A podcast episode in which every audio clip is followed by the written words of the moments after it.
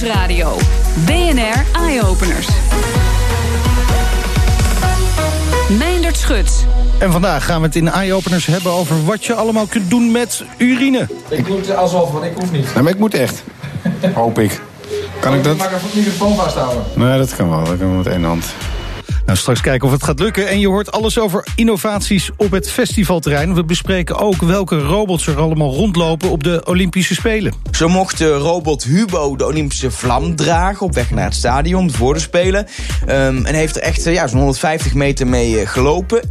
Dat straks, maar nu eerst. BNR Nieuwsradio. BNR Eye Openers. Als je je slaap wil laten testen, dan moet je een nacht doorbrengen in het slaapcentrum. Beplakt met draden op je hoofd. Ja, dat kan natuurlijk wel een stukje slimmer. Met sensoren bijvoorbeeld en infraroodcamera's. Ik bespreek het met Sebastiaan Overheem, hoogleraar slaapdiagnostiek aan de TU Eindhoven. Welkom in de uitzending. Ja, meneer Overheem? Ja, welkom. Goedemiddag. Uh, misschien nog een klein dutje aan het doen, zo voor de uitzending. Jullie onderzoeken verschillende nieuwe manieren om slaap te meten, waaronder sensoren. Wat, wat moet ja. ik me daar precies bij voorstellen? Nou, eigenlijk de, uit, het gekke van de slaapgeneeskunde is dat je wil onderzoek wil doen naar de slaap. En het liefst als dokter wil je met iemand praten als die over zijn klachten heeft. En dat, dat gaat natuurlijk niet terwijl iemand uh, buiten bewustzijn in zijn nee. bed ligt. Dus dat is eigenlijk een uitdaging altijd dat we daaraan willen meten. En tegelijkertijd wordt door die meting heel vaak het gedrag verstoord wat je wilt meten. Ja. Uh, dus dat is van oudsher een, een, een uitdaging. En um, ja, kijk, om die reden uh, willen we uh, nieuwe technieken gebruiken om dat hele ingewikkelde proces van slapen in kaart te kunnen brengen. Maar wel op zo'n manier dat je het wel kunt blijven doen. Ja, ja, precies. En ik kan me dan voorstellen dat er dus ook nog wel heel wat te verbeteren valt aan die ja, metingen. Ja, ja, absoluut. Kijk, de, de, slaap zelf, dat is een, een gedrag van de hersenen. Dus, dus als je echt slaap wil meten, moet je de hersenactiviteit meten. En, en dat blijft altijd lastig. Dat zijn hele kleine stroompjes en dan moet je draden voor op het hoofd aanbrengen. Maar zo doen we het al nou, zo'n zo ruim 50, 60 jaar. En die manier van slaapmeten is eigenlijk niet wezenlijk veranderd. De, de, de, de apparatuur is misschien wat kleiner geworden, maar nog steeds uh, ja, zijn er dingen die je bevestigt op je hoofd, die je moet, moet dragen. Je kunt het één nacht, misschien twee nachten doen. En als iets veranderlijk is, is het je slaap. Dus dat is okay. ook een hele korte periode. Dus dat, dat, daar liggen de uitdagingen, ja. Ja, ja, ja. En het lijkt me toch ook lastig om uh, lekker te slapen met al die draden op je hoofd. Absoluut, ja. En, en het is eigenlijk nog een geluk dat we er vaak mee weg komen. Dat we iemand in, in, in het slaapcentrum die zegt... ja, ik heb veel slechter geslapen, maar gelukkig een aantal uur. Ja, en dan ja. kunnen we in die slaap kijken van... nou, vinden we daar een stoornis? Maar dat, we hebben het idee dat het beter kan op het ja. moment dat het de slaap minder stoort. Met sensoren dus, maar ook met infraroodcamera's. Wat, wat meet je daar dan precies mee? Nou, zowel die, allerlei sensoren kunnen het zijn en die camera's ook. En het, een beetje het algemene principe is eigenlijk wat ik al zei... slaap is van de hersenen. Uh, dus eigenlijk wil je dat meten. Maar we zoeken eigenlijk een, een alternatief, een surrogaat voor... kunnen we nou door andere lichaamsfuncties te meten... toch iets zeggen bijvoorbeeld in welke slaapfase iemand is. En dat kan door bijvoorbeeld heel nauwkeurig te kijken naar een combinatie van lichaamsbewegingen... plus hartslag, plus ademhaling. Ja. Dat is niet het allerbeste, maar dat is in ieder geval een goed, een goed alternatief. En die lichaamsfuncties die zijn wat beter toegankelijk dan de hersenactiviteit. En dat kunnen we door bijvoorbeeld met camera's in het donker... je hartslag en je ademhaling en ook je zuurstofgehalte in het bloed zelfs uh, op te pikken. Ik begrijp ook dat de, je huid van kleur verandert. Ja, nou, dat, dat, dat, het principe, hoe kun je nou met een camera naar bijvoorbeeld je hartslag kijken? Ja. En, en dat principe is met elke hartslag is de doorbloeding van je huid veranderd een klein beetje. En met hele gevoelige camera's, ja, iets roder. Ja, ja. Met de hele gevoelige camera's kun je dat oppikken. Okay. Uh, en zelfs in het donker. Ja. Ja. Uh, het is nog een ander ding wat we doen tijdens het slapen, namelijk geluid maken. De een wat meer dan de ander. Uh, dat, dat nemen jullie ook op en combineren dat met machine learning. Ja. Ja, dat is eigenlijk een, een kijk, een slaapstoornis. Ik zei al, slaap zelf is van de hersenen, maar er zijn ja. allerlei slaapstoornissen, ook op andere lichaamsfuncties. Nou, een hele bekende, of voor veel mensen bekend is zogenaamd slaapapneu. Ja. Dat zijn mensen die s'nachts slapen, maar waarbij ook uiteindelijk de keel dichtvalt, waardoor mensen meerdere keren per minuut soms hun adem inhouden. Nou, uh, een van de vroegste kenmerken van slaapapneu is snurken. Maar je mag het ook niet omkeren. Gelukkig is het niet zo dat iedereen die snurkt nee, ook slaapapneu heeft. Want dan zou er ongeveer elke man in Nederland uh, daar bang voor moeten maken. Ja. Nou, daar is dit op gebaseerd. Er is kennelijk een verschil. We denken dat er een verschil is tussen ja, de geluidskarakteristieken van het snurken van iemand die geen apneu heeft, alleen maar lastig is voor zijn partner. versus iemand die wel slaapapneu heeft. En dat zijn hele subtiele verschillen. Maar met moderne ja, data-analyse technieken eh, kunnen we dat oppikken. Ja. Nou worden al die sensoren steeds, steeds kleiner, geavanceerder. Uh, kunnen zelfs in apps gebruikt worden vaak. Zou je met deze innovaties ook dat slaaponderzoek gewoon lekker thuis in je eigen bed kunnen doen? Of, of moet je toch echt gewoon naar het slaapcentrum? Nou, ik, ik, denk dat het onderzoek in het slaapcentrum nooit helemaal zal verdwijnen voor hele specifieke vragen. Maar als het ons lukt op een ook medisch betrouwbare manier dat te doen, ja. uh, dan zou dat fantastisch zijn. En, uh, uh, maar dat is wel, wel een stap. Hè. Kijk, er zijn allerlei dingen nu al op de markt en je kunt van alles thuis meten. Ja. Alleen ja, wat je daar als dokter aan hebt, is nog uitermate beperkt. En, en, en daar moeten we wel echt een stap in maken. Maar als het, als het, als het in de thuissituatie kan, dan en, zou dat en hoe, fantastisch hoe komt dat dan? Omdat je geen controle hebt over de metingen? Nou, dat is één ding. Kijk, wat je ook ziet is, ik zeg natuurlijk in hele korte zinnen, maar het is niet zo eenvoudig om aan andere lichaamsfuncties die slaap betrouwbaar te meten. Anders hadden we het ook al lang echt gedaan. En uh, je ziet toch wel in heel veel consumentenapparatuur dat die stappen nogal snel genomen worden en het niet heel goed onderzocht is. Maar ja, goed, het claimt ook niet een medisch uh, apparaat te zijn. Nee. En daarom, daarom komt het op de markt. Ja, precies. Uh, maar goed, daar, voor, voor gebruik in het ziekenhuis moeten we daar een stukje verder in. Ja, in ieder geval zijn er wel allerlei innovaties. Uh, jullie nee. kunnen stappen gaan maken. Ja. Uh, deze testen jullie ook al uit op patiënten? Ja, ja dat, dat is het, het, het, voor, de, voor de praktijk van het onderzoek wat het mooie. Kijk, het mooie van die nieuwe technologieën vaak is dat mensen er relatief weinig last van hebben. Het is een armband die je draagt of zelfs die camera's die je helemaal niet merkt. En dat, dat maakt het ons mogelijk dat we ons onderzoek voor een deel kunnen doen op mensen die toch in ons slaapcentrum komen en behangen worden met al die draden voor de ultieme test. En we vragen die regelmatig van nou mogen we een paar van die nieuwe technieken, omdat u er toch geen last van heeft, aan toevoegen. En die data ja. gebruiken we uh, om vervolgens die techniek op te ontwikkelen. Ja. Gaan. En uh, al die apps en gezondheidsbandjes en dergelijke, ja. waar, waar je het net ook over had. Ja. Uh, leuk, maar je kunt er eigenlijk niet echt een meting nee, uithalen. Kijk, het, is altijd heel makkelijk voor mij om te zeggen dat het allemaal onzin is. dat zal ik ook niet doen. Maar ik denk dat het, voor een deel is het, is het wel beperkt om een aantal redenen. Kijk, uh, heel betrouwbaar meten kunnen ze niet. Nee. En vaak hebben mensen zelf al het gevoel of ze wel of niet goed slapen als dat apparaat zegt, ja, je score is maar 70%, ja, wat moet je ermee? Hè? Wat kun je er zelf nou aan verbeteren? Ja. Dat is een probleem. En het is niet altijd onschuldig. We zien toch wel okay. vaker patiënten of mensen die bij ons komen in een slaapcentrum en zeggen, ja, uh, mijn armband zegt mij dat mijn slaap niet goed is. Wat is er met mij aan de hand, dokter? Uh, en dat wil je natuurlijk zeker niet hebben. Precies. Dus als je twijfelt, toch maar even naar de arts. Hartelijk dank. Uh, Sebastiaan Overheem, hoogleraar slaapdiagnostiek aan de TU Eindhoven. BNR Nieuwsradio. Meindert Schut.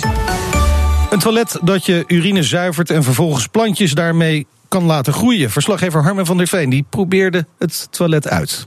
Dus uh, hierin, hè? Ja, ja. Dat, dat, dat, is ja, het uh, makkelijke deel. Een, een, traditioneel toilet dus. Ja, ja jij gaat... Uh, ik doe het alsof, want ik hoef niet. Nou, maar ik moet echt. Hoop ik. Kan ik dat? Mag ik een microfoon vasthouden? Nee, dat kan wel. Dat kan met één hand. Wacht even. Nee, dit is moeilijk. Ga maar even weg. Ja, ja toch wel. Dat heet het vrachtwagensyndroom, geloof ik. Vrachtwagenchauffeursyndroom. Dankjewel. Bij mij spoelt hij door al. Nee, ik moet nog.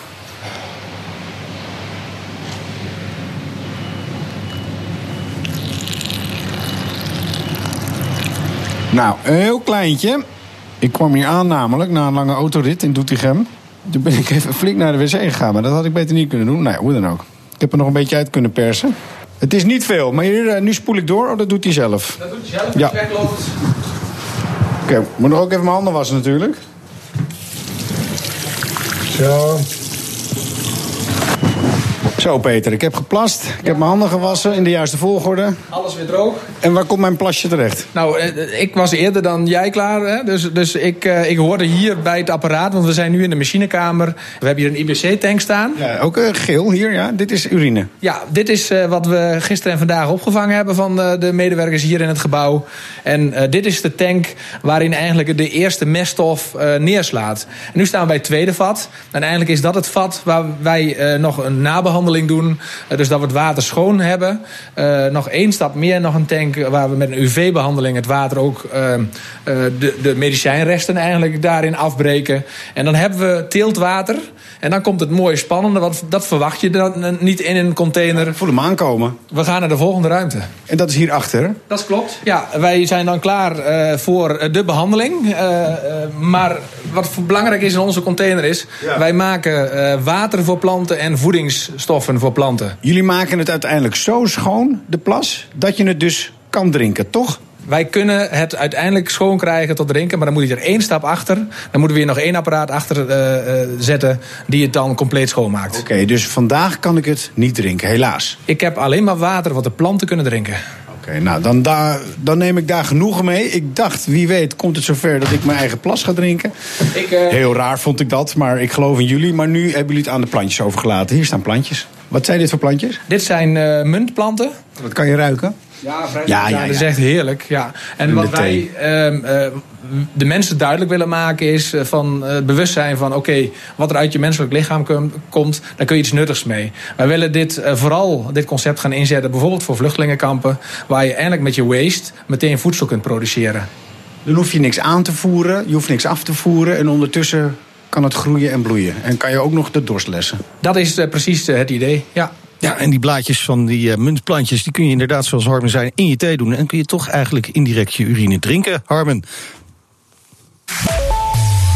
En straks praten we verder over deze toiletunit en andere innovaties die je de komende tijd op festivals tegen gaat komen. Blijf. BNR Nieuwsradio. BNR Eye Openers. Een toilet gebaseerd op ruimtetechnieken van de ESA... die van urine plantenvoedsel maakt en schoon drinkwater. Dat en meer wordt deze zomer getest op de festivals door Innovest. En bij mij in de studio Peter Scheer, je hoorde hem net al in de reportage. Hij is oprichter van Semila Sanitation Hub. En Anna van Nune, directeur van Innovest. Welkom in de studio, leuk dat jullie er zijn. Dankjewel. Anna, mag ik bij jou beginnen? Uh, uh, waarom werden jullie zo enthousiast van die installatie van Peter? Nou, het is echt een heel high-tech, innovatief ding.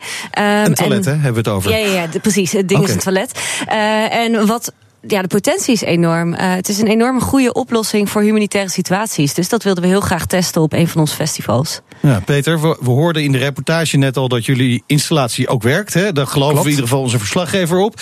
Uh, wat willen jullie nog testen op die festivals?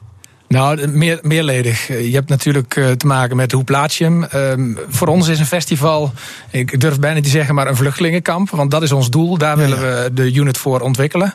Uh, maar het is zo'n mooi flexibel orgaanfestival. Want je komt alles tegen wat je in het echt ook tegen zou komen. Dus okay. voor ons is het gewoon heel belangrijk om sowieso de plaatsing, de hectiek, uh, stresstesten noemen we het wel. Dat kunnen wij daar uh, prachtig uh, onderzoeken. Omdat je zoveel gebruikers hebt die ook ongelooflijk veel naar de wc gaan als het goed is. Ja. ja, dat klopt. Dat schijnt een van de dingen te zijn die je op zo'n festival nog wel eens doet. Ja, ja, ja, en dan kun je dus ook echt testen of het allemaal goed werkt en blijft werken. En dus hufteproof is. Hufteproof is. Ja, ja. Ja, uiteindelijk, want je zegt het al, vluchtelingenkamp, jullie zouden met die container naar een rampgebied willen gaan. Hè, om daar gelijk sanitatie neer te zetten. Klopt, ja, het idee is ontstaan een mobiele, zelfvoorzienende unit te ontwikkelen voor uh, rampgebieden, uh, ontwikkelingslanden, uh, vluchtelingenkampen, maar ook Haiti, Nepal.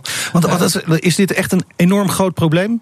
Het is een heel groot probleem. Sowieso is water en schone toiletten en ja. water is wereldwijd een groot probleem. Oké, okay. en, en, en met name dus bij rampgebieden. En dit kan heel snel daar een oplossing betekenen. Ja, heel snel. Als je kijkt dat meer dan een miljard mensen geen toegang hebben tot een schoon toilet. Meer dan ja. 650 miljoen mensen geen uh, toegang hebben tot schoon water. Dat is een serieus probleem. Als je dan nog eens een keer een ramp erbij hebt. Ja, ja dan wordt het. Uh... dit is eigenlijk een no-brainer. Dit moet gewoon gaan gebeuren. Deze zomer wordt het dus getest op de, op de festivals. Dan weten jullie ook of het echt goed werkt. Of dat je het nog moet tweaken. Ja. En dergelijke.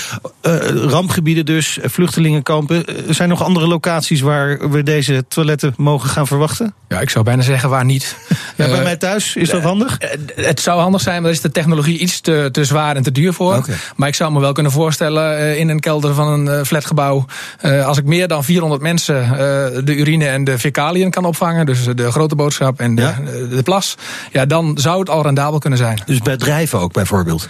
Bijvoorbeeld. Als bedrijven iets goeds willen doen? Ja, alleen moeten ze dan wel opvoeden Circulair. dat ze alles bij het bedrijf doen... en niet s ochtends al thuis oh, doen. Eerst naar het werk, ja. voordat je gaat plassen.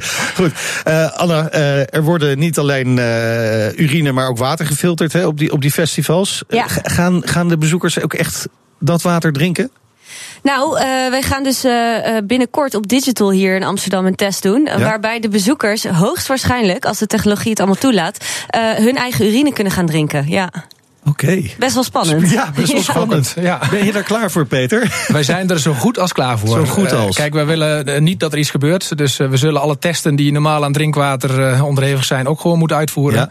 Dus ja, het moet een certificaat gaan krijgen. Precies. Hoe, hoe, streng zijn, hoe streng is men daarin? Het is een voedsel- en warenautoriteit die hierover gaat, neem ik aan. Klopt, ja. Hoe ja. streng zijn ze? Want uiteindelijk, ja, misschien klinkt het niet heel smakelijk, je urine drinken... maar heel gevaarlijk is het niet. Nee, maar goed, je, ik, ik, ik, ik moet me wat op de achtergrond houden. Maar uh, medicijnenresten bijvoorbeeld, even heel globaal. Ja, dat is wel, als je dat in hoge concentraties ja. weer binnenkrijgt, dat is niet goed. Ja. Dus we moeten daarin, uh, dat moeten we afbreken, dat moeten we eruit halen. Dus dat moeten we ook zeker weten. Maar de processen zoals we nu getest hebben, dan uh, grote kans ja. dat men, of iemand of een aantal mensen urine gaan drinken. Ja, en je hebt het nu over medicijnen, maar het kan natuurlijk ook, ja, het zijn festivals, kan ook druk zijn. Het zou Anna. zeker kunnen. Ja, ja, ja, dat is meteen een van de testen om te kijken of je dat er voldoende uit kan filteren. Ja. Ja, ja, belangrijk. Mooie test in elk geval. Uh, om maar even in dat waterthema te blijven. Jullie gaan ook iets testen op de uh, festivals. waarmee je je handen kunt wassen met maar 10 milliliter water. En ik, dat is de Hydro Washer. Ik heb hem hier in de studio gehad, een jaar geleden alweer. Hij is ongetwijfeld verder ontwikkeld. Ja, hij is bezig met een. Hij heeft ook al zijn eerste prototype bij ons getest, inderdaad. Okay. En die is ook op de markt, de eerste Hydro Washer. Uh, en hij is nu terug met een nieuw model. Uh, en eigenlijk wat daar het handigst aan is, is dat er veel minder zware technologie in zit. Dus okay. hij wordt gewoon beschikbaar voor, uh, voor plekken waar minder handen worden gewast. Dus um, uh, omdat hij een stuk goedkoper wordt. En dat is een nieuw prototype. Okay. En dat gaan we weer op een festival testen om te kijken of dat onder, met, met vieze handen. Kijk, de bouwers van zo'n festival bijvoorbeeld, die kunnen hun handen erin stoppen. En zo kijken of dat dan niet verstopt raakt door al het zand en zo. Dus, oh, ja. Ja. ja. ja, voor de mensen die de Hydro Washer nog niet kennen, die kennen wel waarschijnlijk het droogapparaat van Dyson, hè, die in Precies. vele openbare toiletten hangt. Maar dit gaat met een klein beetje verstuiving van water. Zou Ja, je ja, ja, het is echt een heel innovatief product. Want je hebt eigenlijk een tankje met water aan de achterkant. En daarvan gebruik je per wasbeurt maar 10 milliliter. Je hebt geen zeep nodig, want uh, de druppeltjes worden zo klein dat het met hoge snelheid en hete temperaturen je handen bacterievrij maakt. Of nou ja, voor zover dat Ja. kan. Um, en het droogt ook nog je handen. Dus je hebt eigenlijk maar één apparaat nodig. Je hebt geen echte wateraansluiting meer nodig, alleen een beetje elektriciteit. Ja, en waar beter testen dan op een festival? Wat Precies. dat betreft, festivals zijn overal handig voor om innovaties te testen. Daar zijn jullie festivals ook op gericht natuurlijk. Um, uh, bijvoorbeeld een oplossing tegen frauduleuze tickets. Ja, is klopt. natuurlijk met, met heel veel zaken, uh, festivals, maar ook concerten, Ja, ja, is dat ja. een veel voorkomend probleem. Zeker. En zelfs als je kijkt naar um, um, je ticket voor de trein en zo. Dus ticketing is best wel een breed concept. Ja. Uh, ja, we hebben een eerste kleine pilot al gedaan. Maar gaan deze zomer doortesten met een start-up. Zij heet de Ticketguard. Komen uit Groningen. Um, en wat zij hebben ontwikkeld is eigenlijk een soort virtuele idee. Uh, waarop je rechten voor een persoon kan laden. Dus stel nou dat je als festivalverkoper zou willen zeggen. Hij mag naar mijn Oerol festival. Ja. Dan laat je de, uh, de, de rechten voor Oerol erop. Maar dat kan je dus ook hele andere dingen op, dat, uh, op die virtuele idee laden. Zoals het recht om door te verkopen. En voor hoeveel geld mag je dan doorverkopen? Ja, ja. En dat maakt deze oplossing heel innovatief. En zorgt er ook voor dat ticketfraude ja, niet mogelijk is. Tenzij je het natuurlijk wil. Als, of, of tenzij je doorverkopen mag als, van het festival. En als het goed is, gebeurt dit natuurlijk via de blockchain. Nee, deze Nee? oplossing niet. We Oh. hebben eerder dus, vorige zomer, hebben we Guts Tickets gehad. Ja. De start-up hier uit Amsterdam. En die hebben um, een, een blockchain oplossing inderdaad. Uh, net wat andere oplossing. Maar uh, ja, blockchain is natuurlijk um, um, het, het datanetwerk erachter. Het is niet Ja. altijd nodig. Nee. Deze oplossing werkt eigenlijk prima zonder blockchain. Hoewel de makers erover denken om een extra proof blockchain versie te bouwen. Uh, maar eerst maar eens goed uh, dit model zoals het nu is ontwikkelen. Ja, en dan nog een andere innovatie waar we zeker naar uit moeten kijken. Vertel. Uh, heel binnenkort eigenlijk al. Op, uh, op het festival Here Comes the Summer. Een klein festival Ja. op uh, Vlieland. Ja. Um, testen we weer iets met water en zuivering. Um, en weer iets met uh, urine en de grote boodschap. Je ziet namelijk dat, dat een tijdelijke waterleiding heel geschikt is om daar oplossingen voor te testen. En zoiets heb je op een festival. Maar goed, het is um, start-up Afmitech. En dat is een Friese ondernemer. En die maken een systeem waarbij je rioleringswater mag zuiveren tot of kunt zuiveren tot oppervlak oppervlaktewater. Oké. Super handig op plekken waar geen riolering is. Eh, denk aan plezierjachten bijvoorbeeld, maar dus ook op een festival. ehm, eh, een, een basis voor, voor, voor de militairen. Eh, hoef je niet een hele riolering aan te leggen, maar kan je eigenlijk gewoon het water ergens anders Ja, storten. geweldig. En dan was er nog één innovatie waar ik over las. Die vond ik echt heel bijzonder. Iets met kraaien en sigarettenpeuken. Die vinden wij ook heel bijzonder. Ja, Ja, nee, die hebben zich bij ons gemeld, want die zoeken een testplek. Het is een start-up die kraaien trainen om sigarettenpeuken op te rapen. Nee. Ja, het kan dus blijkbaar echt. Ehm, blijkbaar zijn kraaien, eh, kraaien zijn een beesten die je goed kan trainen. Ja, is, Eh, ze ja, hebben een, eh, een, een plekje ontwikkeld waar de kraaien, als ze een sigarettenpeuk er, er- erin gooien, een snoepje krijgen of wat lekkers krijgen. En op die manier eh, gaan kraaien dus op pad om sigarettenpeuken eh, te verzamelen en zo eh, een beloning te krijgen. en dit is wel goed voor die kraaien. Ja, nou, wij, zijn, wij zijn met hun in gesprek om Ja. dat ook allemaal te checken. En zij Ja. zijn zelf ontzettend begaan met de dieren en eh, op, aan het kijken of dat ook echt kan. En we hopen dat eigenlijk op het TT-festival deze zomer eh, te piloten na het festival zoveel Ik sigaretten. ben heel erg benieuwd. Het zou wel echt een hele schitterende innovatie als, als de, de dieren onze troep opruimen voor ons. Nou, ongelooflijk. Eh, dank jullie wel voor de komst naar de studio. Peter Scheer, oprichter van Semilla. En Anna van Nune, directeur van Innovest. Graag gedaan. En dan is het alweer tijd voor de beste technieuwtjes vanuit de hele wereld. Daarvoor eh, spreken we zoals elke week met tech- en innovatie-expert Elger van der Wel. Elger, ik wil het als eerste even met je hebben over de Olympische Spelen. Want tijdens de openingsceremonie zag ik een heleboel drones. Geweldig gezicht. Hoe, hoeveel waren dat er wel niet?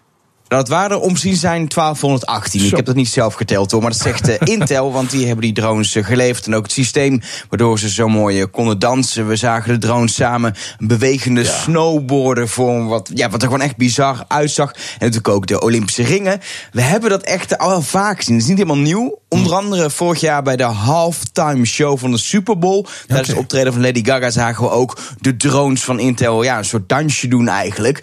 Toch is dit wel een nieuw record. 1218 drones. Het enige kleine dingetje is dat het niet live was. Het is van tevoren opgenomen om veiligheidsredenen. 1218 drones eh, laten vliegen met heel veel mensen in de buurt is niet zo'n goed idee. Al is dit jaar wel zo dat tijdens de Olympische Spelen Intel ook iedere avond 300 drones laat rondvliegen tijdens de medailleceremonie. En dat is dan wel live.